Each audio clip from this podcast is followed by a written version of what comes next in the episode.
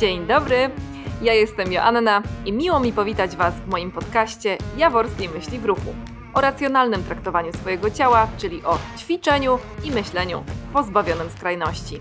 Zapraszam do słuchania.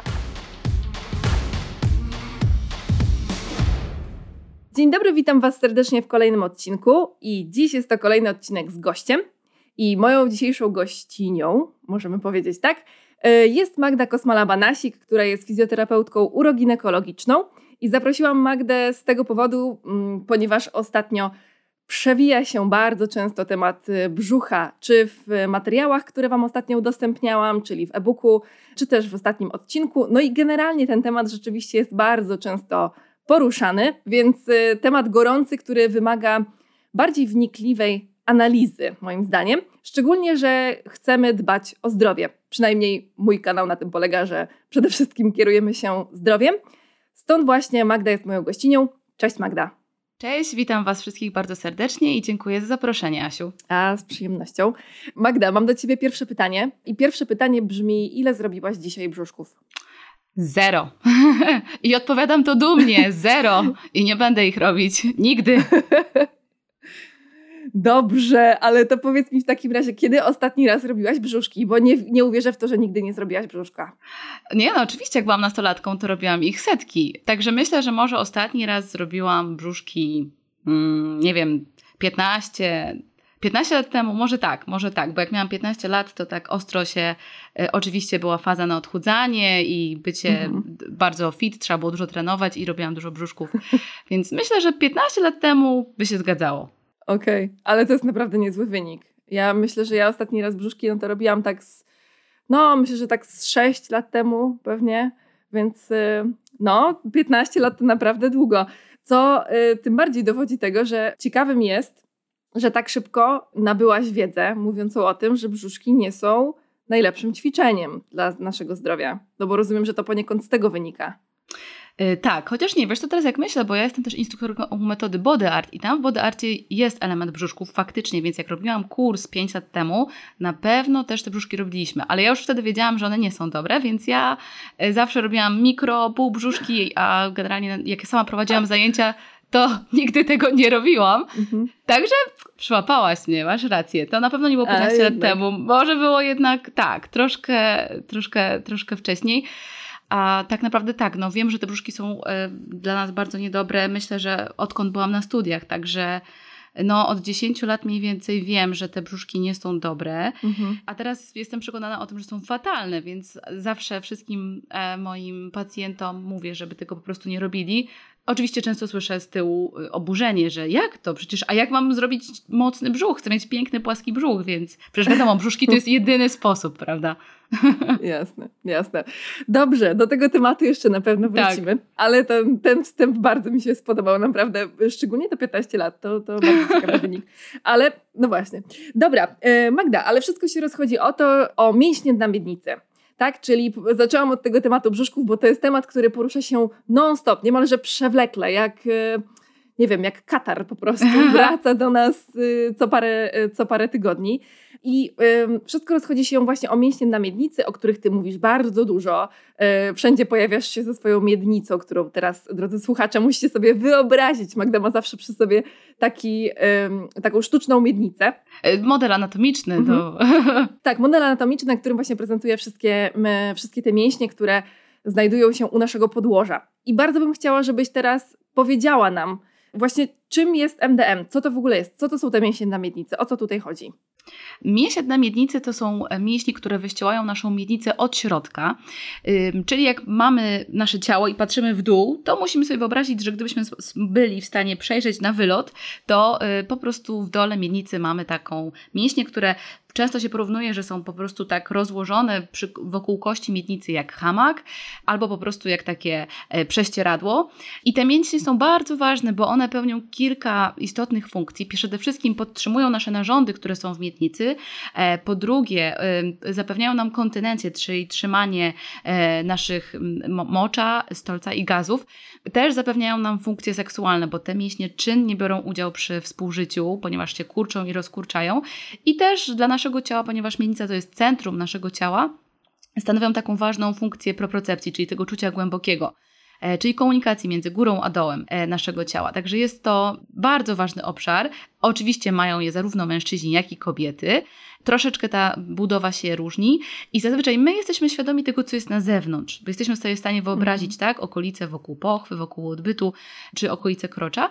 Natomiast tak naprawdę ta istotna rzecz, istotna ich część leży w środku i dlatego to jest często takie abstrakcyjne do zrozumienia, co trzeba zrobić, jak je ćwiczyć i gdzie one tak właściwie są. To dlaczego, powiedz mi Magda, tak mało się mówi o mięśniach na miednicy? Dlaczego y, wszędzie są, wszędzie jesteśmy bombardowani tymi aplikacjami właśnie y, o brzuszkach, o jakichś szóstkach Wejdera cały czas, do dzisiaj naprawdę. W różnych programach są te brzuszki, wszędzie, wszędzie się przewijają i praktycznie nigdy y, nikt z tych instruktorów, takich przynajmniej najbardziej popularnych, sławnych, nie mówi o MDM, nie mówią o mięśniach na miednicy i potem, jak nagle wyskakuje taka fizjoterapeutka uroginekologiczna jak ty i mówi o MDM-ie, to jest takie, ale, ale jak to? Ja też to mam? To nie rozumiem. To czemu nikt nigdy nic takiego nie mówił? Jak ci się wydaje? No właśnie, wiesz co, to jest bardzo ciekawe pytanie i trudne, dlatego myślę, że po pierwsze jest to trochę wstydliwa okolica, no bo przecież jak to mówić o okolicy mhm. krocza tak publicznie, łatwiej jest powiedzieć o brzuchu. Druga rzecz, jakby mięśnie damicy też wchodzą w skład mięśni core, czyli tych mięśni, które stabilizują nasz kręgosłup. Mm, także myślę, że być może niektórzy trenerzy robią taki skrót myślowy. E, trenerzy, osoby, które publicznie mówią gdzieś o takim dobrym wyglądzie, właśnie nie zawsze zdrowym, ale, ale ładnym, też może ujmują to do miednicy właśnie w tym korze ale nie wiem, trudno mi jest powiedzieć. Mhm. Moim zdaniem, znaczy ja jestem po prostu w tej bańce dynamiednicy, więc ja mam wrażenie, że już wszyscy o tym wiedzą, że na każdym po prostu e, profilu facebookowym można o tym przeczytać i instagramowym, a potem się okazuje, że przychodzi do mnie nowa pacjentka do gabinetu i ona w ogóle nawet nie wie, że jest coś takiego, znaczy słyszała gdzieś, ale nie do końca wie gdzie, jak, więc ym, wydaje mi się, że przede wszystkim, tak jak powiedziałam, to jest trochę wstydliwa okolica i każdemu się wydaje, że może... Hmm, no, nie, nie, uczymy się tego w szkole, prawda? Uczymy się, nie wiem, o jak mhm. wygląda szkielet, jak wyglądają mięśnie. Nigdy nikt w szkole nie mówił o mięśniach na miednicy. Na przykład, no przynajmniej w mojej szkole, nie wiem jak w twojej. Ja dopiero o mięśniach mhm. na miednicy dowiedziałam się tak naprawdę na studiach. I wtedy mhm. pomyślałam, wow, to przecież taki ważny obszar, a w sumie nikt o tym nie mówi. Ja ci powiem ciekawszą rzecz, bo ja byłam na studiach na AWF-ie mhm. i ja miałam zajęcia fitness i, i jakby no, całą tą anatomię człowieka, fizjologię i tak dalej ale o mięśniach na miednicy nic praktycznie nie było. Ktoś tam coś wspomniał, no bo nie studiowałam fizjoterapii. Naprawdę? Więc nie wchodziło się też, naprawdę, wow. nie wchodziło się też aż tak wnikliwie w e, te mięśnie, które budują kor. Oczywiście było tak, co buduje kor? No i było o tych wszystkich mięśniach no tak, skośnych, brzucha tak. wewnętrznych, było o przeponie, y, mięsień wielodzielny kręgosłupa i MDM, i mięsień na miednicy i koniec. Okay. I to był koniec jakby całej rozmowy na temat y, MDM-u. Co więcej, niektórzy z e, wykładowców czy też ćwiczeniowców e, na AWF-ie no, są takimi osobami, nie chcę ich tu absolutnie obrażać, ale po prostu są w tym zawodzie bardzo długo, być może, nie wiem, nie śledzą mm, świeższej wiedzy. I naprawdę mieliśmy też brzuszki na takich zajęciach fitness. Ale ja też. Na... Ja wtedy mm -hmm. myślałam, że to jest ok. Tak, tak, jasne. Mm -hmm. Ja też na studiach miałam brzuszki na jakichś zajęciach typu. Um tam mieliśmy jakieś takie zajęcia ogólnorozwojowe, to się nazywało jakoś tam, generalnie nauka jakby, metoda nauczania ruchu, o, coś takiego. Oczywiście tam też były brzuszki. Mhm. Wiesz co, to jest bardzo ciekawe pytanie, bo teraz tak sobie o tym myślę, że w zasadzie wielu um, lekarzy też chyba czasami bagatelizuje ten temat. No, że one tylko są te mięśnie i w zasadzie, no są, no i, i wiadomo, że są i koniec. Jakby my działamy, my badamy mhm. co innego, tak? Asia chyba jakąś rozwiłaś tutaj puszkę Pandory, coś mi się wydaje. nie, bo to jest naprawdę ciekawe, no, no. bo naprawdę, ja wiesz, nigdy tego nie postrzegałam. Ja po prostu, okej, okay, no nie mówi się o tym, więc ja o tym mówię, to jest moja rola, ale w sumie właśnie dlaczego się o tym nie mówi? Ja myślę, że, że to, co powiedziałaś o takiej intymności, no mhm. no też, też żyjemy w, e, w, takim kraju, no nie ma co się oszukiwać, w którym no mało się mówi, no edukacja seksualna nie istnieje, tak, bardzo mało się mówi rzeczywiście. Niestety. O, dokładnie, niestety. Bardzo mało się mówi o narządach rodnych, bardzo mówi się mało o antykoncepcji i tak dalej. No i a jakby mięśnie na miednicy trochę wiążą się z tym wszystkim, wiążą się z przyjemnością seksualną, e, no ale chociażby e, taka rzecz jak nietrzymanie moczu, o którym też chciałabym, żebyśmy chwilę pogadały, mm -hmm. no to mhm. jest też taka rzecz wstydliwa. Zdarzały mi się, pamiętam jak dawno prowadziłam temu zajęcia grupowe i były jakieś podskoki, Mhm. to panie na przykład mówiły, ja nie mogę skakać i koniec. Jakby nie było rozmowy większej. Tak jakby się w ogóle tak, nawet tak. wstydziły mi jako instruktorce powiedzieć, e, w czym, w czym leży problem. Tak. Wiesz co, to jest bardzo wstydliwy temat. Teraz mam wrażenie, że troszkę ten temat nietrzymania moczu został troszkę odczarowany. Trochę przez media, trochę przez reklamy. Akurat bardzo nie lubię tych reklam typu masz nietrzymanie moczu, kup sobie wkładki i mm, załatwi to sprawę.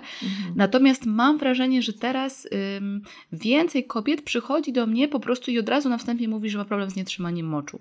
Okej. Ym, nie jest to aż tak, znaczy wiadomo, gabinet to jest taka sytuacja, gdzie jest jeden na jeden, wiadomo, że jestem e, jakby specjalistą w tym zakresie, więc myślę, że może też łatwiej powiedzieć, przyjść e, do takiego specjalisty, do kobiety, tak mi się wydaje, i Mhm. po prostu powiedzieć, że mam taki problem. E, Szczególnie jeśli na przykład koleżanka powiedziała, słuchaj, ja byłam i, i, i, i da, da się coś z tym zrobić na przykład, albo można jakoś to zmniejszyć, albo cokolwiek. Mm, Mhm. Także y, też to mnie ostatnio ucieszyło, też bliska mi osoba przyznała, że ostatnio miała taki epizod gdzieś przy kichnięciu i powiedziała, wiesz, myślałabym, że to jest nic takiego, ale ty zawsze powtarzasz, że każdy epizod oznacza, że coś jest nie tak. I Mhm. dlatego postanowiłam iść do fizjoterapeuty, więc, więc jednak mówienie o tym na głos i ja też jakby staram się mówić o tym na swoich mediach społecznościowych, że to nie jest wstyd, po prostu to jest jakaś dolegliwość, którą warto im szybciej zareagujemy, tym y, można będzie ją szybciej wyeliminować, tak? Albo Mhm. zmniejszyć te odczucia. Także to jest zdecydowanie coś, co jest wstydliwe i myślę, że na forum grupy, tak jak ty właśnie prowadziłaś te zajęcia kiedyś, to myślę, że no, trudno jest, żeby ktoś powiedział na forum, prawda? Jasne. Coś takiego. Jasne. No dobrze, a właśnie e, a propos tego, że e, ty starasz się o tym mówić i przychodzą do ciebie pacjentki, to chciałabym cię zapytać, co jest e, z twojej obserwacji, z twojego doświadczenia najczęstszym problemem, który wiąże się właśnie z mięśniami na miednicy? Z czym najczęściej do ciebie przychodzą kobiety? Mhm. Najczęściej przychodzą do mnie kobiety w ciąży lub po porodzie, bo tak naprawdę ten temat na miednicy bardzo często jest masa teraz, y, taka ak- ed- edukacja okołoporodowa jest bardzo e, szeroko rozwinięta w internecie, jest masę położnych, masę fizjoterapeutek, które gdzieś o tym e, głośno mówią i świetnie. I zazwyczaj jest tak, że właśnie to jest moment, kiedy kobiety dowiadują się o tych mięśniach na miednicy, że to jest taki istotny obszar, że to jest obszar, który pozwoli im się lepiej przygotować do porodu. Więc najczęściej właśnie pojawiają się kobiety w ciąży lub po porodzie, bo słyszały, że trzeba przyjść na kontrolę. Zdarza mi się też, że tak jak powiedziałam wcześniej, przychodzą mi pacjentki, które mówią, że mają nietrzymanie moczu w różnym wieku. Naprawdę, to nie jest tak, że Mhm. tylko starsze panie, to są też młode dziewczyny, które na przykład nigdy nie rodziły dzieci. E, Młode dziewczyny mam na myśli, e, tak, kobiety przed trzydziestką. E, Więc dla mnie to są młode osoby, Mhm. to się zdarza. Mm, Na pewno y, drugim takim, taką grupą jakby zaburzeń to są zaburzenia seksualne. Em, Mam na myśli tutaj bardziej ból przy współżyciu na przykład, albo brak satysfakcji seksualnej i bardzo rzadko zdarza się, że przychodzą do mnie pacjentki y, i zgłaszają problem z, z jakimś obniżeniem narządów, z jakąś ciężkością w obrębie e, pochwy mm, czy Mhm. odbytu. To jest temat właśnie, nad którym ja trochę pracuję, żeby go też troszkę tak odczarować, e, bo to też coś, jest coś, co, co się zdarza dosyć często tak naprawdę, a bardzo mało się o tym mówi. I to jest jeszcze chyba bardzo wstydliwe, ale powolutku. Myślę, że. A powiedz że coś więcej o tym. drąży skałę.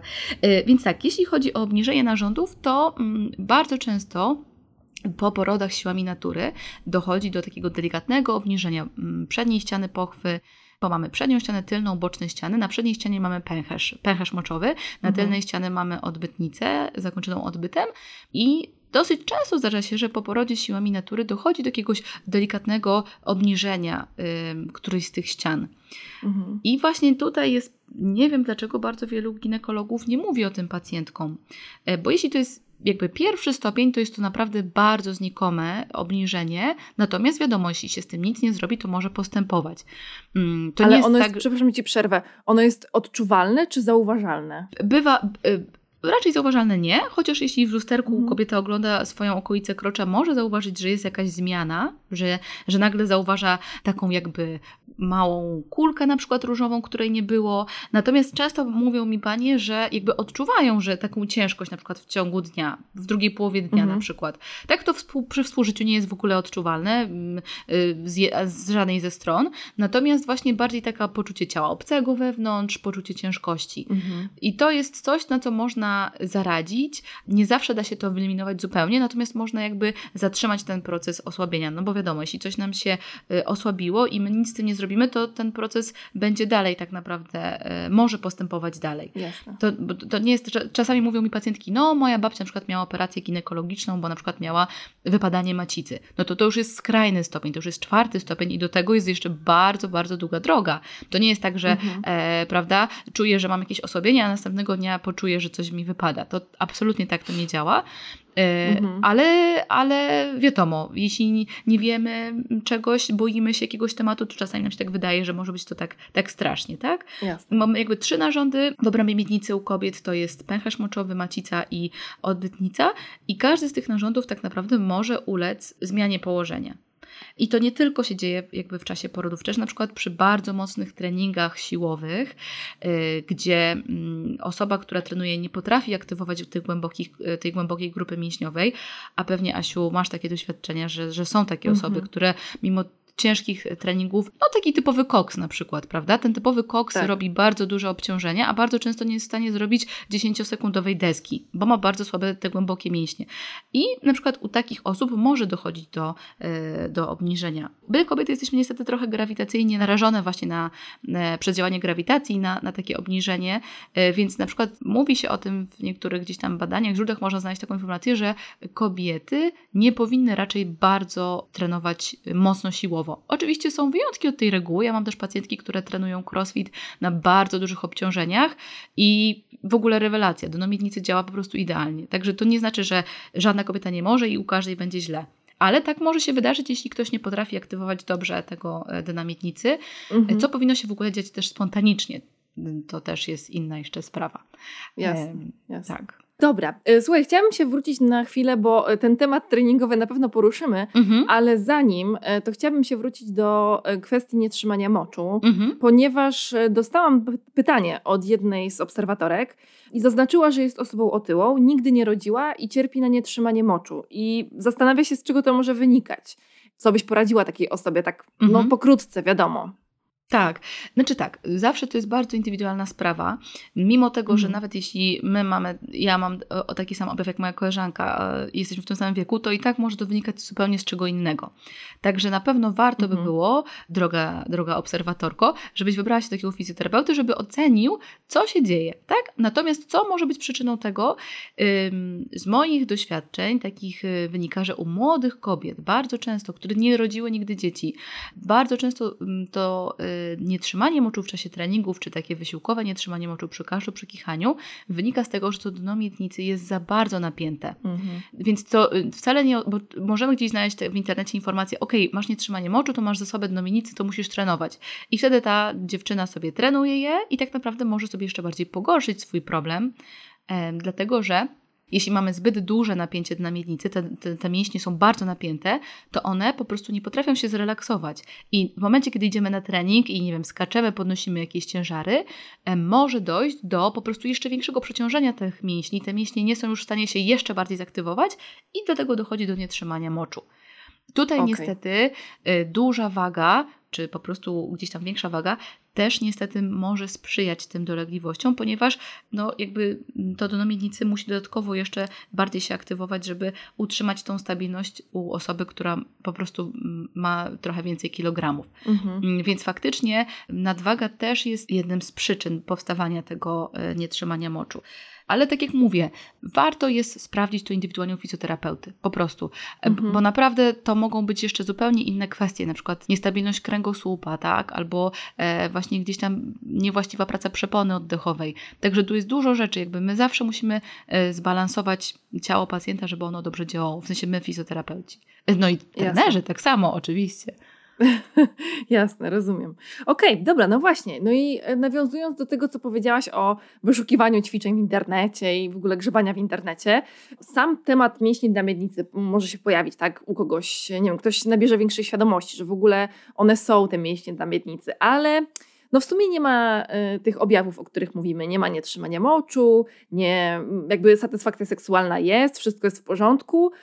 No ale wiedząc o tym, że należałoby o nie dbać, o zdrowie tych, tego MDM, mhm. no to co można zrobić? W którą, stron, w którą stronę można się kierować? Ponieważ dostałam też kilka pytań właśnie o dbanie o, o mięśnie na miednicy samodzielnie. Przede wszystkim, jak w ogóle wyczuć mięśnie na miednicy? Jak możemy sprawdzić, czy one, czy my je czujemy, czy my je mamy, jak one działają? Czy masz jakieś takie porady, które możesz nam udzielić?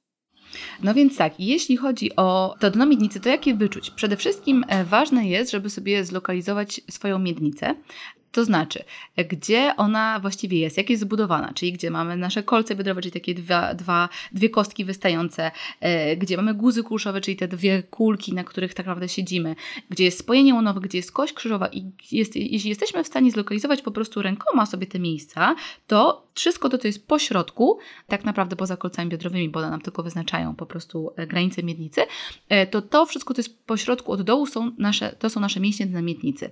Mhm. Więc możemy sobie położyć rękę na przykład na, na, na, na, naszym kroczu, usiąść i wtedy poczujemy, tak? Mamy okolice, jeśli mówimy o kobietach, to jest okolica pochwy, odbytu, krocze. U mężczyzn to jest okolica, mhm. za, ta za jądrami to jest właśnie krocze i odbyt i to jest nasz, nasz środek ścięgnisty. I tak naprawdę możemy spróbować poddychać i zobaczyć, czy cokolwiek się zmienia pod naszą ręką, czy coś się napina, czy coś się rozluźnia.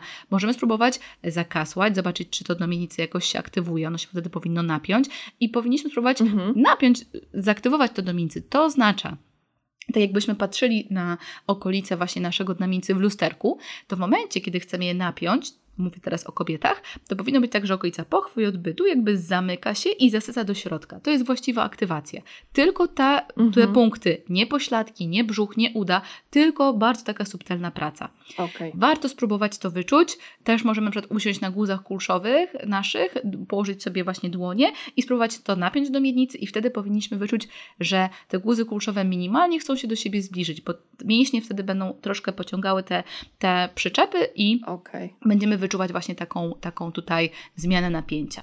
Jasne. Polecam bardzo, żeby oglądać też krocze w lusterku, bo to też nam pozwoli tak naprawdę zrozumieć w ogóle o czym mówimy, tak? To jest też nasze ciało, nie ma się czego wstydzić, nie ma czego się bać. Uważam, że tak jak patrzymy na naszą twarz w lusterku y, często kilka, kilkanaście razy w ciągu dnia, to jeśli zobaczymy nasze krocze w lusterku nawet codziennie czy raz na jakiś czas, to to jest, to jest naturalne, to jest nasze ciało i warto rozbudzać świadomość e, po prostu swojego ciała, całego ciała. Mhm. Czyli bierzemy lusterka w dłonie po prostu i patrzymy na swoje krocze i nie mówię to w sposób prześmiewczy, tylko absolutnie naturalny. Po prostu obserwujemy, tak, tak. jak pracuje i sprawdzamy, czy działa odpowiednio, drogie panie. Tak, absolutnie, absolutnie polecam. I uwierzcie mi, że mm, to, jak czasami pytam się pacjentek, czy robią, czy widziały swoje krocze, naprawdę bardzo wiele kobiet mówi mi, że nie że nie widziało, że nie oglądało tego nigdy. Mhm. Y, dlatego ja zawsze mówię, że zachęcam i to nie jest jakieś, nie wiem, pruderyjne, jakieś niewłaściwe, tylko po prostu to jest nasze ciało, tak? Czyli mhm. warto, y, warto po prostu je poznać i zobaczyć, co się dzieje, żeby też jesteśmy pierwszymi osobami, które kontrolują swoje ciało, na przykład tak jak badanie piersi regularnie, prawda? Mhm. Jeśli badamy regularnie piersi i wyczuwamy coś, że coś jest niewłaściwie, to jesteśmy pierwszymi osobami, które wyczuwają i wtedy warto pójść do specjalisty i po prostu zbadać to, czy, czy, czy jest wszystko ok, czy jednak nie. I tak samo jest z kroczem. Jeśli coś nas zaczyna niepokoić, to warto wtedy pójść tak do ginekologa czy do fizjoterapeuty e, i sprawdzić, czy na pewno wszystko jest dobrze. Także mhm. uważam, że po prostu to jest nasze ciało, nasze zdrowie i warto o to dbać. Jasne. A wracając do Twojego pytania jeszcze, co robić z tym dnem miednicy?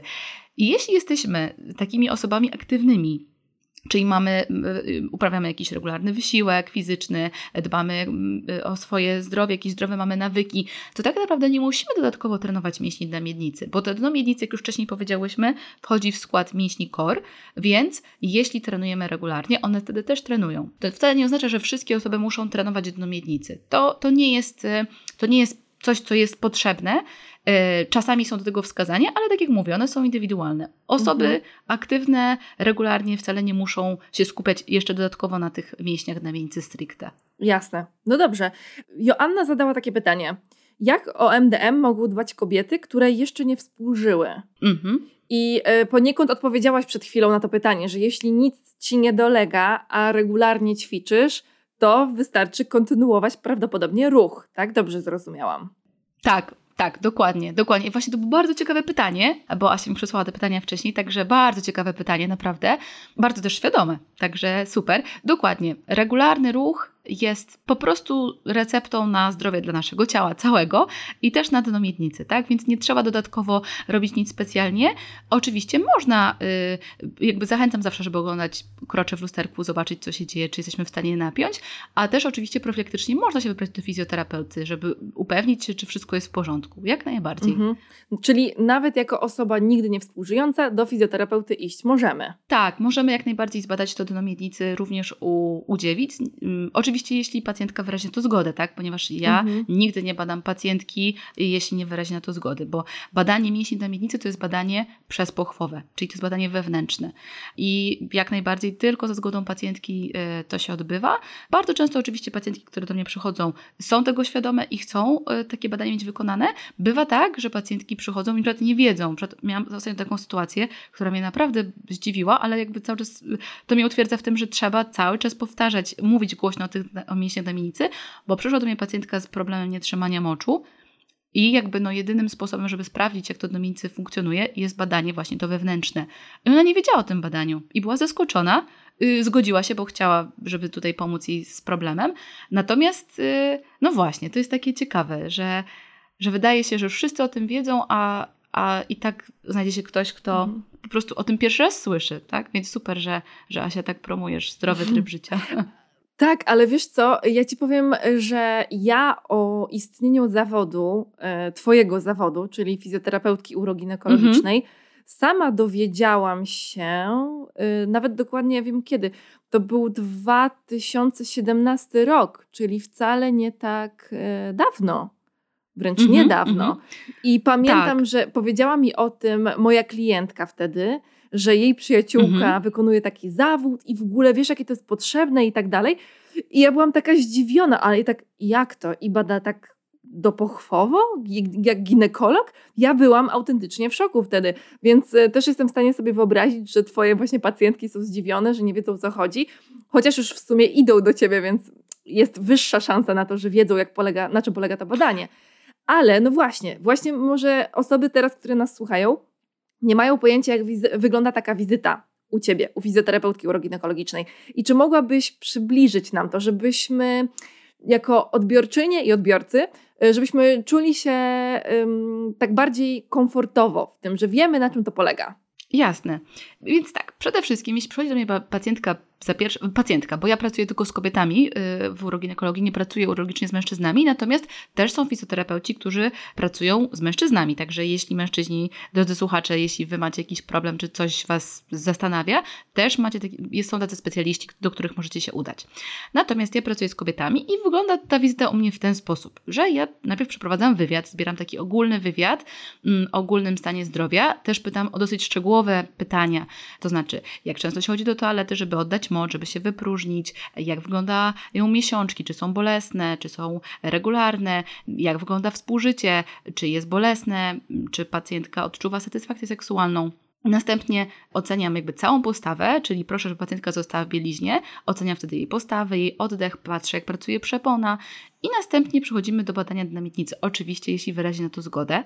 Badanie dna miednicy wygląda w ten sposób, że pacjentka leży na plecach bez bielizny, ja na początku oceniam wizualnie okolice krocza, patrzę, czy jest jakaś asymetria, czy jest jakaś nieprawidłowość. Potem delikatnie oceniam palpacyjnie samo krocze, oceniam śluzówkę pochwy, odbytu i wtedy proszę, żeby pacjentka napięła dno miednicy i rozluźniła, a następnie delikatnie wprowadzam palec do pochwy, tak żeby ocenić, jakie jest napięcie wewnątrz, właśnie napięcie mięśni do miednicy czy jest symetryczne, czy jest bolesne, czy dzieje się cokolwiek nieprawidłowego? I następnie tak samo proszę pacjentkę o napięcie na miednicy, raz na wdechu, raz na wydechu, proszę o zakasłanie, potem proszę o powtórzenie kilka razy takiego napięcia, i zatrzymanie tego przez kilka sekund, powtarzamy to kilka razy, e, potem proszę o takie szybkie skurcze. Oceniam to do miednicy według takiego schematu badania perfekt. I to nam daje po prostu taką ocenę mm, funkcjonalną dla miednicy i na tej podstawie wiemy, co jest y, w porządku, nad czym trzeba popracować, a może nad niczym nie trzeba pracować. Także oceniam pracę mięśni tych tonicznych, czyli tych takich wolnokurczliwych i mięśni fazowych, czyli takich szybko kurczliwych. Mhm. I właśnie te mięśnie fazowe, te szybko kurczliwe są właśnie bardzo istotne w przypadku e, trzymania moczu. Tak? I bardzo często, na przykład, jeśli ktoś ma taki problem, to na przykład jest coś tutaj, nad czym trzeba popracować. I jak wygląda potem e, dalsza terapia? Wszystko zależy Czasami to jest, są jakieś zadania do domu, pacjentka dostaje ode mnie jakieś konkretne ćwiczenia, e, czasami może się nauczyć, po prostu ma się relaksować, ma rozluźnić brzuch, ma rozluźnić przeponę, skupić się na oddechu, na rozluźnianiu namietnicy. Rozluźnianie namietnicy jest bardzo trudne, bo to jest abstrakcyjne troszkę, bo co innego jest rozluźnić na przykład napięty biceps, a co innego mhm. jest rozluźnić coś, co mamy w środku. Także wszystko zależy. Czasami też się posługuje terapią taką poprzez elektrostymulację dopochwową, albo czasami też pracuję y, z takim sprzętem jak biofeedback, czyli sondą, tak? Taką pacjentka kupuje sondę dopochwową lub odbytniczą, w zależności od tego, co jest potrzebne. I na przykład uczymy, uczę ją w ten sposób relaksacji dla miednicy albo właśnie aktywacji dla miednicy. Mhm. Także jest to bardzo, bardzo, bardzo ciekawa praca, bo każda pacjentka to jest kompletnie inny przypadek mm, i nie ma takiego algorytmu postępowania. Co czasami martwi pacjentki, bo czasami, wiadomo, każdy z nas lubi szybkie rozwiązania, e, a czasami niestety tutaj trzeba się troszkę namęczyć i no miednicy to jest lustro naszego ciała. To nie jest tak, że się skupiamy tylko na wycinku naszego ciała, tylko musimy całe ciało jakby po prostu ze sobą zintegrować. Mhm. Okej, okay. ale y, badanie jakby to dopochwowe nie jest też mhm. y, jakby przymusem, prawda? W, w takim kontakcie z, z tobą, z fizjoterapeutką, a szczególnie w, przy pierwszej wizycie, tak jak powiedziałaś, że y, jeśli pacjentka wyrazi zgodę, wtedy rzeczywiście dochodzi do tego badania, ale bez niego też jakby taka pierwsza wizyta może się odbyć. Tak, jak najbardziej. Yy, tak jak mówię, to jest naprawdę bardzo ważne. Zawsze zgoda pacjentki jakby jest dla mnie kluczowa, tak? To jest absolutnie, znaczy ja nigdy nie zrobiłam mm, badania, jeśli pacjentka powiedziała, że nie chce, że się wstydzi, że się zastanowi. Rozumiem, czasami jak ktoś przychodzi i nie wie o tym badaniu, no to jakby mówię, proszę się przemyśleć, zastanowić. Na pierwszym, yy, pierwszej wizycie ten wywiad zajmuje troszkę czasu, ale też sama ocena postawa, postawy, sama ocena oddechu, też nauka takich dobowych nawyków wstawania, kładzenia, się, czy ustawię, jakby przedstawiam zawsze pacjentce, jaka jest właściwa postawa, o co powinna dbać. Mhm. Także pierwsza wizyta może być bardzo ciekawa yy, i też dać bardzo dużo informacji yy, bez tego badania wewnętrznego. Tak? Żeby zdiagnozować konkretnie do miednicy, to jest najlepszy sposób. Nie mhm. da się mhm. ocenić na miednicy poprzez badanie powłok brzucha na przykład, mhm. ale mam pacjentki, zdarza się tak, że jakaś pacjentka się wstydzi albo na przykład y, nie wie, czy, czy może mieć takie badanie wykonane, woli się skonsultować z ginekologiem. Także ja zawsze mówię, proszę bardzo, absolutnie niczego nie narzucam. Tak? Jasne. Oczywiście. E, dobra, chciałabym przejść płynnie tymczasem właśnie do, e, do ćwiczeń. Mhm. Do ćwiczeń jakby generalnie siłowych, wytrzymałościowych, bo już po części wspomniałaś o tym, jak e, trening właśnie zbyt intensywny może negatywnie wpłynąć na MDM. I zresztą Ola właśnie zapytała, zapytała mnie na Instagramie, znaczy poprosiła, żebym ja Ciebie zapytała o to, kiedy treningi takie siłowe mogą negatywnie wpłynąć na MDM jak to sprawdzić, kiedy się zorientować, że coś jest nie tak, albo czy jest jakiś, nie wiem, konkretny schemat, że e, nie wiem, jakiś procent y, ciała dźwigany w ciężarze, w żelastwie już, jest już jakby źle wpływający na nasze zdrowie, czy, czy nie. Jakby, co, co ty wiesz na ten temat? Czym ty się możesz podzielić? Mhm. Przede wszystkim bardzo ważna jest praca głębokich mięśni, czyli właśnie tych mięśni kor, bo jeśli one się dobrze aktywują, czyli na przykład jeśli robimy deskę, przykładowo, i przy desce nasz brzuch jest delikatnie napięty i jakby bardziej jest zbliżony do kręgosłupa, to znaczy, że na przykład nasz mięsień poprzeczny brzucha działa prawidłowo. E, najgorzej jest, kiedy na przykład przy takim trudnym wysiłku, na przykład przy desce, robimy deskę i nasz brzuch po prostu wychodzi na, na zewnątrz. To znaczy, że niewłaściwie pracuje nasze, nasze, ta głęboka grupa mięśniowa. Też mam na myśli, jeśli brzuch nie pracuje właściwie, to do namiednicy też nie będzie dobrze pracowało, bo brzuch ściśle współpracuje e, właśnie z mięśniami na miednicy.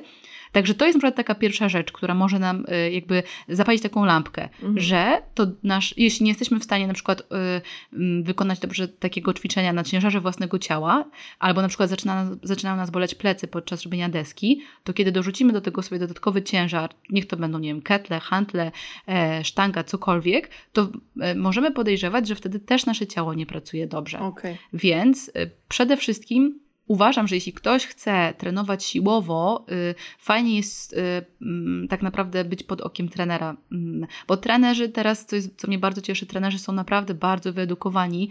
Oczywiście zdarzają się cały czas tacy, którzy kobietom w ciąży zalecają brzuszki. Niestety się tacy zdarzają. No naprawdę. Ale ogólnie pacjentki, które do mnie trafiają, y, jeśli mówią, że są pod opieką trenerów, to zazwyczaj jeśli jakby pytam, co robią, no to jakby ja się z tym zgadzam, bo widzę, że trening jest przemyślany i, i jest po prostu e, bardzo dobrze ułożony. Na pewno warto wtedy się skonsultować i wie, wiem, rozumiem, że nie każdy może, może być kogoś stać na to, żeby być zawsze pod okiem trenera, ale może chociaż jeden raz wybrać się do trenera, żeby nauczył go takich właściwych właśnie dobrego przysiadu, żeby skontrolował, czy dobrze robi deskę, nauczył go właśnie tej aktywacji mhm. e, tych głębokich mięśni. I myślę, że jeśli ktoś planuje, nie wiem, właśnie jakieś bardzo du duże treningi, e, takie obciążające, wytrzymałościowe czy siłowe, nie wiem, ktoś na przykład trenuje triatlon czy właśnie crossfit, uważam, że warto byłoby się tak profilaktycznie wybrać do fizjoterapeuty, żeby sprawdzić, co się dzieje z miednicy. Mm, mhm. Bardzo ciekawa sytuacja była taka, że ostatnio trafiła do mnie też e, osoba, która jest e, i trenerem personalnym, i osobą, która bardzo e, mocno e, siłowo trenuje. I po prostu profilaktycznie przyszła i okazało się, że właśnie przy takim mocnym obciążeniu nie do końca dobrze aktywuje do miednicy. E, co mnie bardzo zmartwiło, ale wystarczyło trzy wskazówki i ona doskonale już wiedziała, co robić. I mhm. potem okazało się, napisała mi, że po wizycie o wiele więcej była w stanie wygenerować e, w czasie treningu, czyli mogła e, zacząć pracować z większymi obciążeniami, co bardzo mnie ucieszyło. Tylko mhm. tak, to była osoba, która była bardzo świadoma swojego ciała, więc moje trzy wskazówki jej wystarczyły. To niestety nie jest tak, że prawda, zawsze trzy wskazówki wystarczą. Wszystko zależy. Więc trening siłowy uważam, że super jest trenować i ja zachęcam wszystkich do trenowania i nie uważam, że nie, trening siłowy dla kobiet absolutnie odpada, czy bieganie triatlonu, czy maratonów. Nie, absolutnie, po to są te wysiłki, żeby je robić, tylko trzeba przede wszystkim zadbać o podstawy, czyli y, właściwą aktywację tych głębokich mięśni mm, i jeśli one dobrze działają, no to wtedy jesteśmy gotowi, żeby wchodzić na mocniejsze obciążenie. Okej, okay. a czy jesteśmy w stanie w trakcie treningu stwierdzić, czy one się zaktywowały, czy nie? Jak to się odczuwa? Hmm, to jest trudne pytanie. Tak, jeśli mhm. ktoś wie, jak napiąć do miednicy, jest świadomy swojego ciała, potrafi napiąć mięsień poprzeczny brzucha, no to wtedy on czuje, czy jest ok, czy nie. Mhm. E, bardzo fajną formą taką nauki y, jest Pilates, naprawdę. Tylko właśnie, Pilates y, bardzo się po prostu przez ostatnie lata y, ewoluował na tyle różnych możliwości. Nie każdy Pilates jest dobry. Ale ja na przykład nauczyłam się pracy głębokich mięśni e, brzucha przez Pilates, bo ja też zrobiłam kiedyś sobie taki e, mm, krótki kurs na instruktora mhm. i naprawdę to bardzo mi otworzyło głowę, bo teraz y, i też lepiej, jakby zupełnie inaczej zrozumiałam wtedy swoje ciało, ale też o wiele łatwiej było mi tłumaczyć pacjentom, jak mają to, to zaktywować. Mm, także Trudno jest wytłumaczyć niestety tak słowami, jak to do miednicy powinno, y, do miednicy i ten mięsień poprzeczny brzucha y, być napięte, ale one są naprawdę ze sobą bardzo zależne. Więc y, ta właściwa postawa przy treningach, właściwe y, trzymanie tej dobrej postawy przy treningach na pewno też ułatwi pracę naszy, naszemu ciału. Mhm. To, co powinniśmy czuć, powinniśmy czuć y, po prostu takie delikatne zassanie, ale delikatne. Nie mówię o tym, że czujemy nagle, że nasza okolica krocza jest po prostu bardzo mocno napięta, jest delikatnie zaktywowana i brzuch jest tak samo delikatnie napięty, delikatnie przybliżony do kręgosłupa, ale to nie jest wciągnięty brzuch, bo mhm. to cały czas niestety mm, mm, gdzieś tam pokutuje, że aha, napnij brzuch, to znaczy wciągnij pępek do kręgosłupa. Najgorszy komunikat tak. ever, po prostu. I zawsze mówię pacjentom, tak, to jest efekt uboczny. Jeśli dobrze napniemy y, tutaj mięsień poprzeczny brzucha, czyli ten dół brzucha, to wtedy pępek przybliży się do kręgosłupa, ale to jest efekt mhm. uboczny, to nie jest cel, prawda? Tak, tak no musimy troszeczkę, myślę, że zajmie nam jeszcze czasu, żeby wysprzątać te wszystkie komunikaty, które się pojawiają, tak? Napnij -hmm. brzuch, wciągnij brzuch, pępek do kręgosłupa, mocniej, mocniej, mocniej. No jakby kompletnie, kompletnie nie. No, to wszystko ma się dziać delikatnie i spontanicznie. Okay. Ale, ale myślę, że jeśli tutaj właśnie ktoś, kto trenuje, jest świadomy, nas teraz słucha, to jakby rozumie, o czym my mówimy, ale tak. na przykład jeśli ktoś jest dopiero, nie wiem, na początku drogi y, z aktywnością fizyczną, to może sobie pomyśleć, że kompletnie nie, nie wie, o czym mówimy, tak? To tak. jest. To, to jest wtedy polecamy właśnie spotkanie się z trenerem, przynajmniej takim dobrym trenerem, świadomym trenerem na przynajmniej jedno spotkanie, albo właśnie udać się do fizjoterapeuty, to też na pewno e, pomoże. Tak, absolutnie. Magda, ale a propos treningu, e, co z tymi trampolinami? Z tym, tym fitnessem na trampolinach? Haha, to jest też ciekawe pytanie.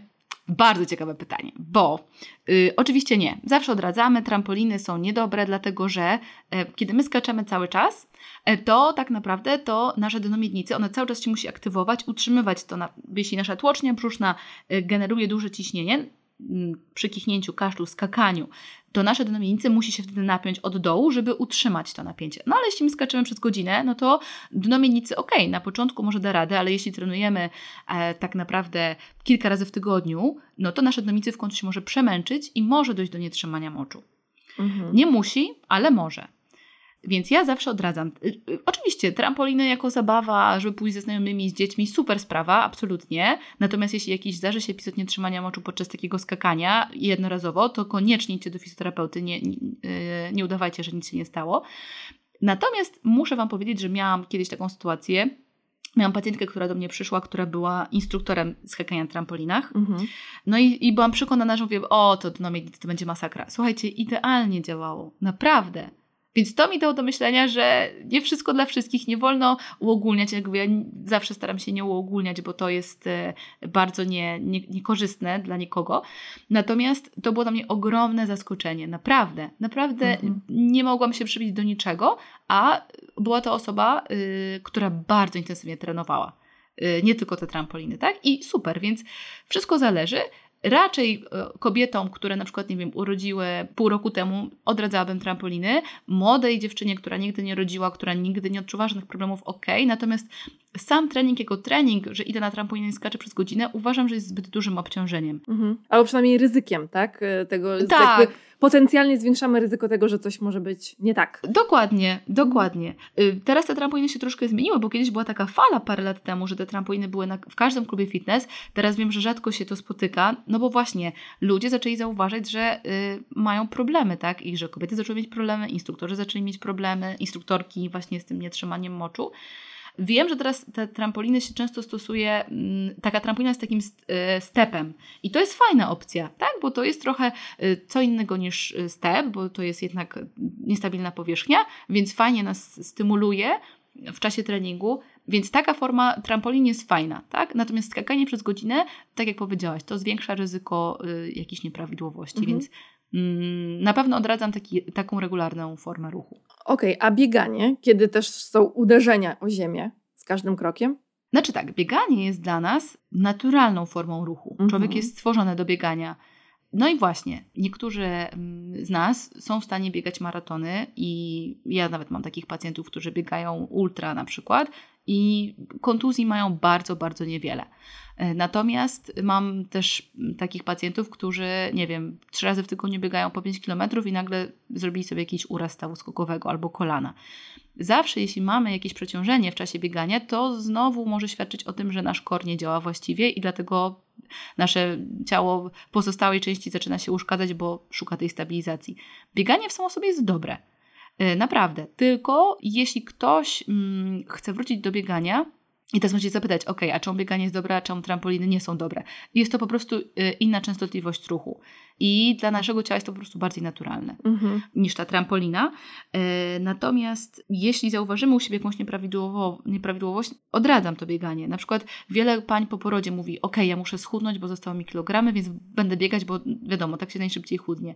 Niestety to bywa bardzo zgubne i może doprowadzić do y, szeregu niekorzyści. Także mhm bardzo polecam y, na pewno kontrolnie wybrać się do takiego, takiego fizjoterapeuty po porodzie, w ogóle zawsze wszystkim, ale szczególnie jeśli, jeśli jesteśmy osobami bardzo aktywnymi i chcemy do tej aktywności wrócić po, po czasie, to też warto po prostu to skontrolować. Jasne.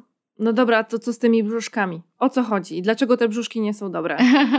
Powiedzmy o tym w końcu.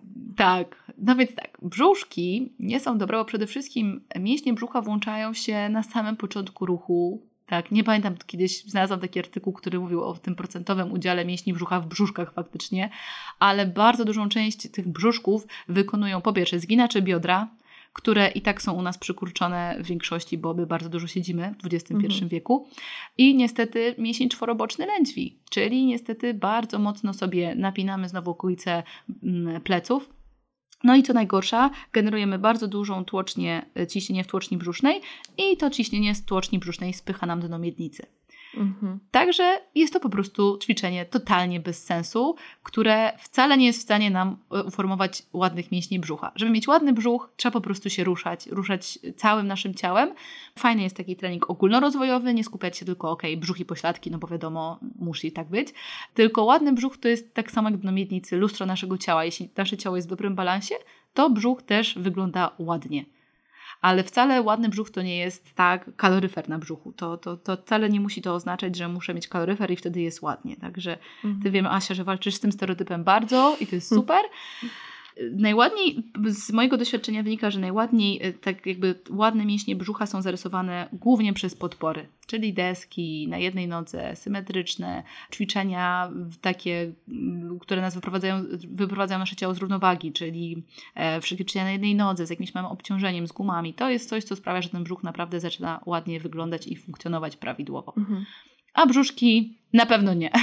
Tak, tak, tak. No bo bardzo ważne jest to, co powiedziałaś moim zdaniem. E, to, że e, brzuch e, ładnie i estetycznie wygląda i, i, i ćwiczy, tak naprawdę bierze udział w ćwiczeniach, wtedy, kiedy angażujemy całe ciało. Czyli to jest temat, który poruszałam w poprzednim odcinku, treningu skoncentrowanego na funkcji naszego ciała, na tym, żeby ono się ruszało, żeby było zaangażowane w jak największej ilości mięśni, że tak powiem, e, w jednym ruchu lub też e, poprzez e, pewne kombinacje ruchowe, a nie poprzez koncentrowanie się, tak jak w kulturystyce, na poszczególnych partiach mięśniowych.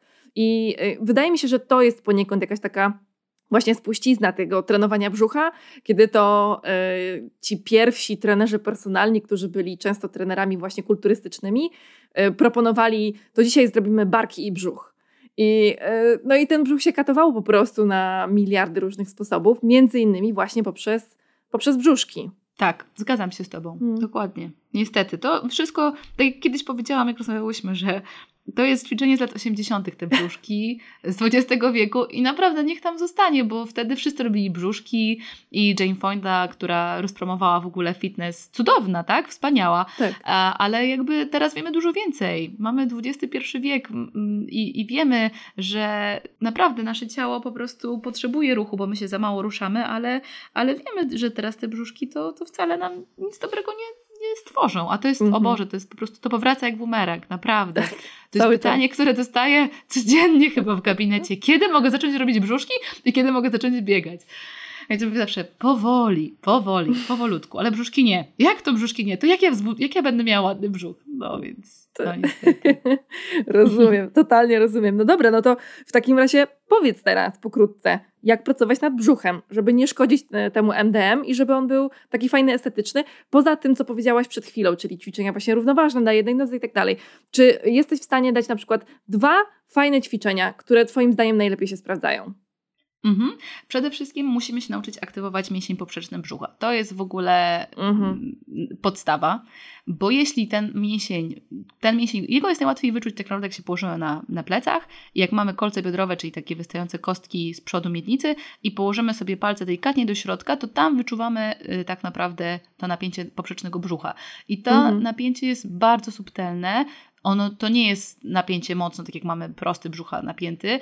I to jest jakby podstawa żeby to spróbować zrobić, warto spróbować właśnie poddychać. Znaczy, ktoś nam musi to pokazać, bo to sami, sami, sami y, trudno nam będzie to zweryfikować, czy robimy to dobrze, ale po prostu przy wydechu powinno być tak, że nasza miednica delikatnie jakby wykonuje taki ruch do tyłu, taki w skali mikro i y, mhm. nasze właśnie te okolica do brzucha się troszeczkę napina i to nie znaczy, że my musimy dociskać plecy do, do maty. Y, to, to nie, bo to jest sztuczne. Mhm. Jakby w momencie, gdy leżymy na plecach, nasz kręgosłup powinien być w pozycji neutralnej.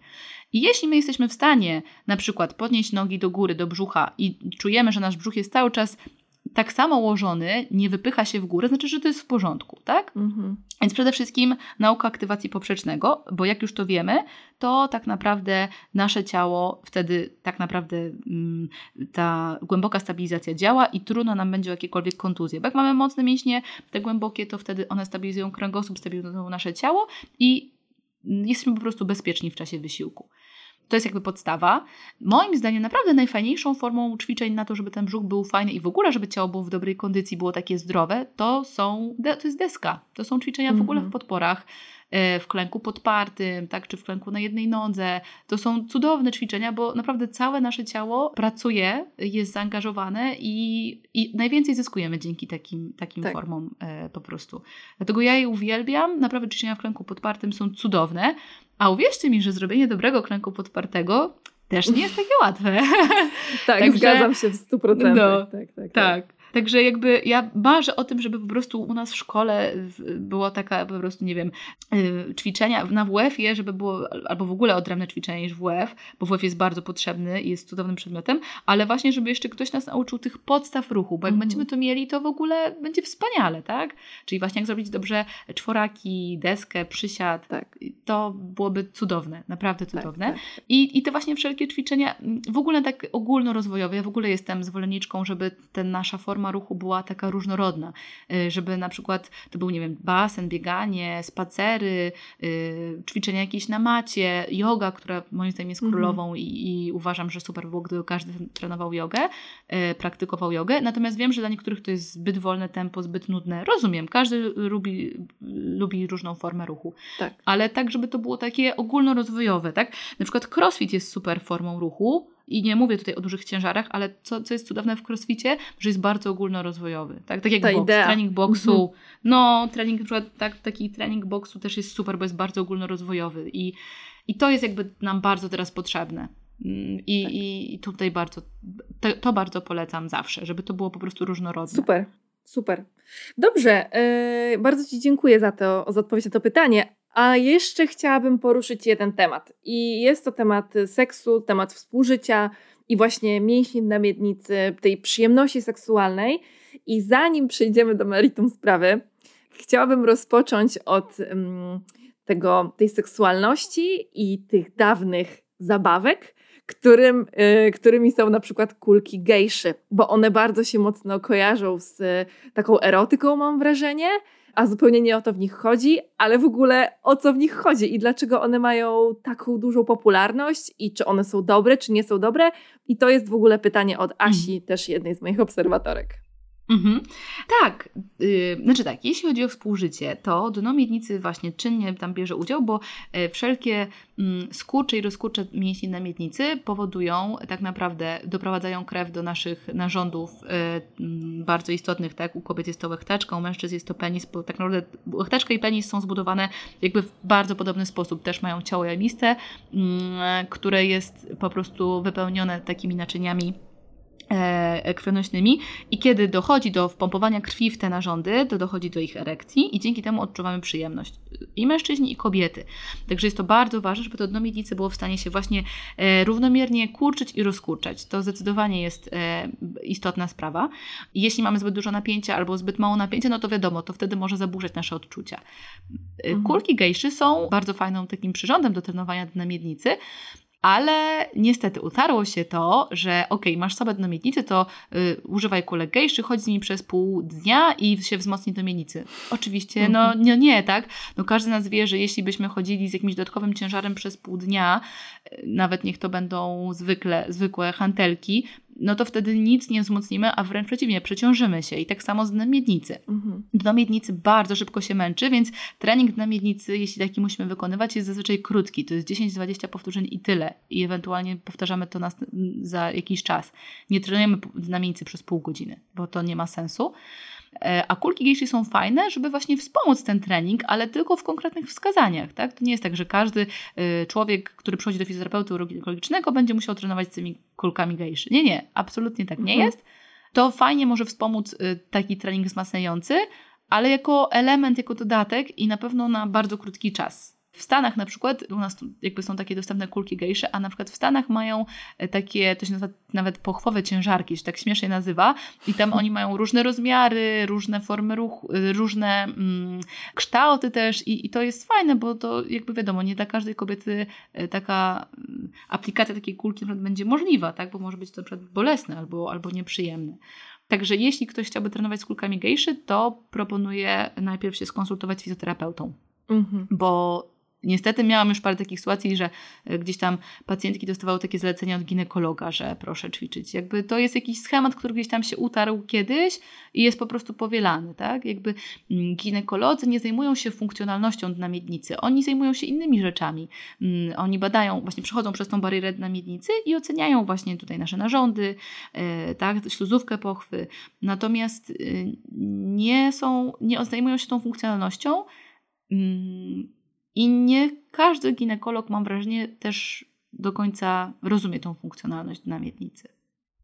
No nie tak. chcę nikogo obrażać, nie chcę nikogo obrażać absolutnie, tylko po prostu mm, chcę to powiedzieć, że żeby nie mieć pretensji, że na przykład ginekolog nie powiedział nam, że o tutaj proszę ćwiczyć, bo oni jakby to, to nie są ich obowiązki, oni mają po prostu tak. inne obowiązki, tak? To nie są ich kompetencje też po prostu i, tak. i to nie wynika z ich jakiejś, nie wiem, niedouczenia się, tylko po prostu to nie jest ich zawód.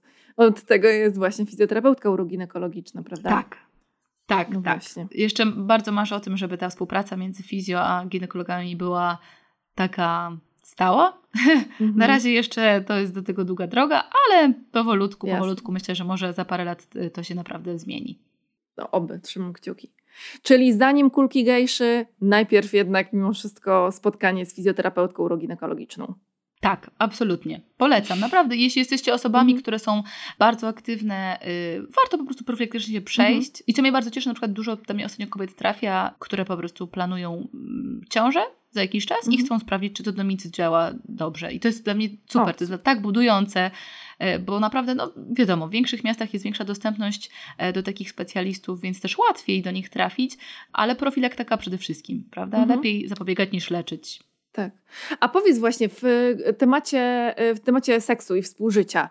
Porozmawiałyśmy o tym, y, na czym polega właśnie rola mięśni na miednicy w seksie y, i że te jakby lepiej pracujący MDM gwarantuje nam tą przyjemność, satysfakcję seksualną, jakby bierze czynny udział, tak?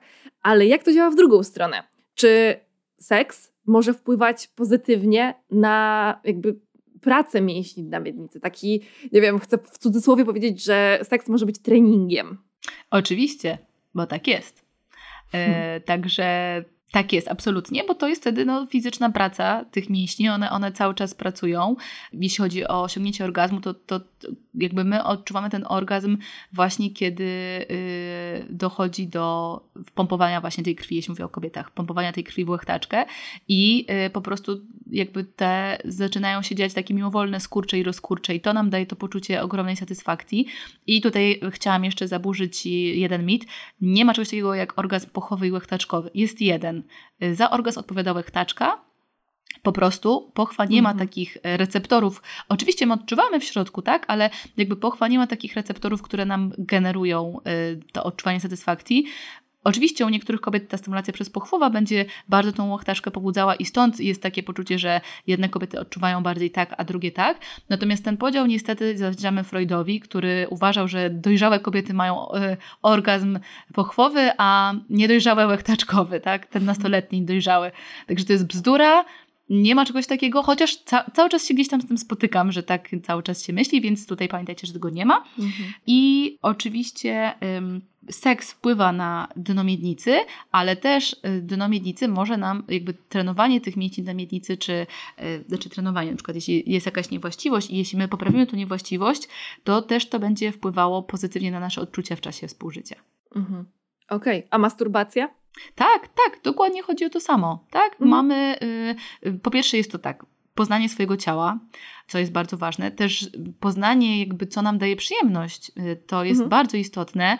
I tak samo będziemy wtedy powodowały skurcze i rozkurcze, bo jakby wiele kobiet gdzieś tam e, mówi o tym, że łatwiej, że szybciej na przykład osiąga satysfakcję przy masturbacji niż przy współżyciu. Wiadomo, po prostu jest to jakaś tam inna kombinacja na przykład ruchów w obrębie tego do namiednicy, ale to, to jest bardzo ważne, żeby właśnie poznawać siebie, odkrywać, co nam daje przyjemność, bo dzięki temu pobudzamy świadomość swojego ciała i też jak najbardziej to do namiednicy wtedy będzie trenowało, ponieważ przy orgazmie te skurcze i rozkurcze jak najbardziej yy, fajnie wpływają na, na pracę te, tego dna miednicy. Super.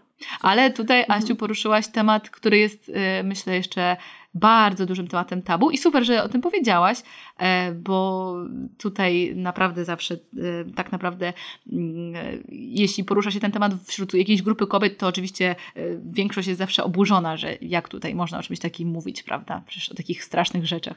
Także jest super, mhm. super. Także to jest absolutnie jak najbardziej to do miednicy będzie nam, jakby też będzie wtedy trenowało, jak najbardziej. Tak, czyli generalnie można podsumować ten fragment rozmowy, że zachęcamy do uprawiania seksu zarówno z kimś, jak i samej ze sobą. Tak, tak, tak. Jest to bardzo dla nas zdrowe. Okej, okay, super. A właśnie, a tak ciekawi mnie, e, bo ja w sumie tego nie wiem. Czy możemy powiedzieć, jak, nie wiem, jak często, e, czy, czy to kwestia jest regularności, jest istotna w seksie pod kątem takim zdrowotnym? Hmm, to jest bardzo indywidualne, bo każdy ma różne mhm. potrzeby. Hmm. Jakby są osoby, które potrzebują niemalże codziennie, tak, jakiejś tutaj hmm. pobudzenia seksualnego, a są osoby, i zarówno kobiety, jak i mężczyźni, którzy jeśli e, kochają się raz w miesiącu, to jest dla nich ok. Także to Dobra. zależy no. od naszych mhm. potrzeb. Każdy ma różne libido. Jest to oczywiście też zależne od sytuacji, w jakiej jesteśmy w życiu, tak? Na przykład antykoncepcja, tabletki antykoncepcyjne będą troszkę to libido zmniejszały, tak? Więc tutaj na pewno y, jakby to jest, mówię o tym, bo nie wiem, czy każdy o tym wie, ale, ale tak się zdarza, bo to libido jest zależne od naszych hormonów, a te hormony są po prostu wyciszone przy antykoncepcji. Y, oczywiście to nie znaczy, że nie, nie, zachęcam do niestosowania, nie, nie, trzeba się zabezpieczać, to jest bardzo ważne. Są różne formy tej antykoncepcji, tak? Więc nie zawsze to muszą być po prostu tabletki, ale jak najbardziej przede wszystkim zdrowie. E, swoje. Wiadomo, im e, częściej uprawiamy seks, tym to do miednicy troszkę więcej pracuje, bo jest lepiej dokrwione, lepiej dokrwiona tkanka jest lepiej dożywiona, mm, więc tak, ale jakby tutaj nigdy nie narzucam tego, bo bardzo ta, jakby u każdy ma po prostu różne tak. potrzeby. Tak? No to jest też kwestia psychologiczna na pewno, tak? Też relacji, o, jeśli tak. chodzi o, Oczywiście. o związek. No właśnie. Tak, absolutnie, absolutnie. E, dobra, Magda, na koniec mam dla Ciebie zadanie. O! Ja nigdy nie byłam u fizjoterapeutki uroginekologicznej. Teoretycznie rozumiem, że. Yy, znaczy, teoretycznie no rozumiem to wszystko, co powiedziałaś do mnie, ale ja jakoś cały czas czuję tak, że nie, ja w sumie mnie to trochę tak nie dotyczy. Może nie, to może bardziej w okolicy ciąży. Serio, tak mam w głowie. Nie wiem z czego to wynika. Może cały czas to jest kwestia tego jakiejś takiej wstydliwości i tak dalej.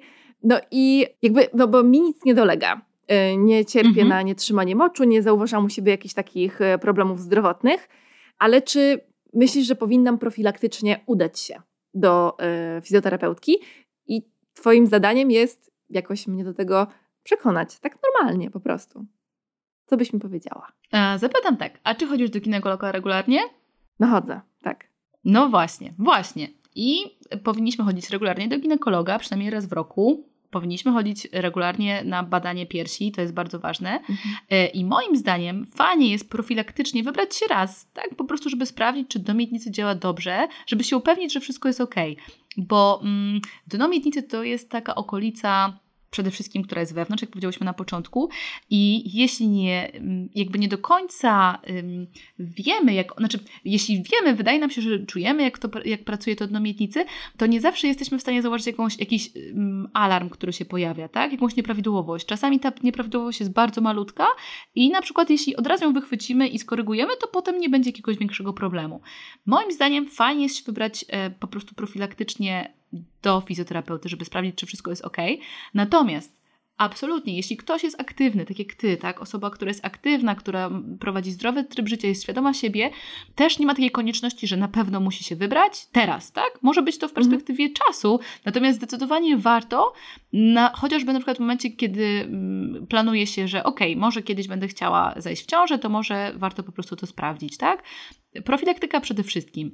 Mm, warto jest przyjść raz, upewnić się, że wszystko jest ok i wiedzieć i dowiedzieć się, ok, czy to dobrze działa, tak dobrze działa, e, żeby mieć po prostu e, jeszcze większą zbudować świadomość dla miednicy. Dla mnie mm, ciekawe jest to, jak to do miednicy mm, jak często i jak bardzo po prostu współpracuje z pozostałą częścią naszego ciała i na przykład jak bardzo duży wpływ na dominicję ma na przykład to, że mamy napięte stopy albo że na przykład zgrzytamy zębami w nocy. Mm. I to wszystko wpływa na to dominicję negatywnie. Także czasami warto się po prostu dowiedzieć, żeby sprawdzić. Ja tak mówię, ja zawsze sprawdzam, robię taki ogólny e, obraz ciała, sprawdzam sobie taką mobilność od stóp do głowy żeby zobaczyć, czy jest coś, co może zaburzać tą pracę dla miednicy. Mm, także bardzo, bardzo polecam. Naprawdę u osób, które są zdrowe, ruszają się, uważam, że nie jest coś, co, to, co jest natychmiast istotne, natomiast w mhm. perspektywie czasu na pewno warto pójść i po prostu sprawdzić. Dobra. Profilaktyka przede wszystkim. Mhm. Zawsze tak mówię. Dobra, jeśli mam być szczera, to czuję się całkiem przekonana. I dobra, zróbmy tak. Jest 19 maja. Yy, umówmy się, że w przeciągu miesiąca e, pójdę do fizjoterapeutki uroginekologicznej. Dobrze, dobrze, sprawdzimy to. Dobra, jest to na taśmie po prostu i, i teraz możecie... Poszło, poszło. tak. tak, poszło egzekwo egzekwować po prostu moją konsekwentność.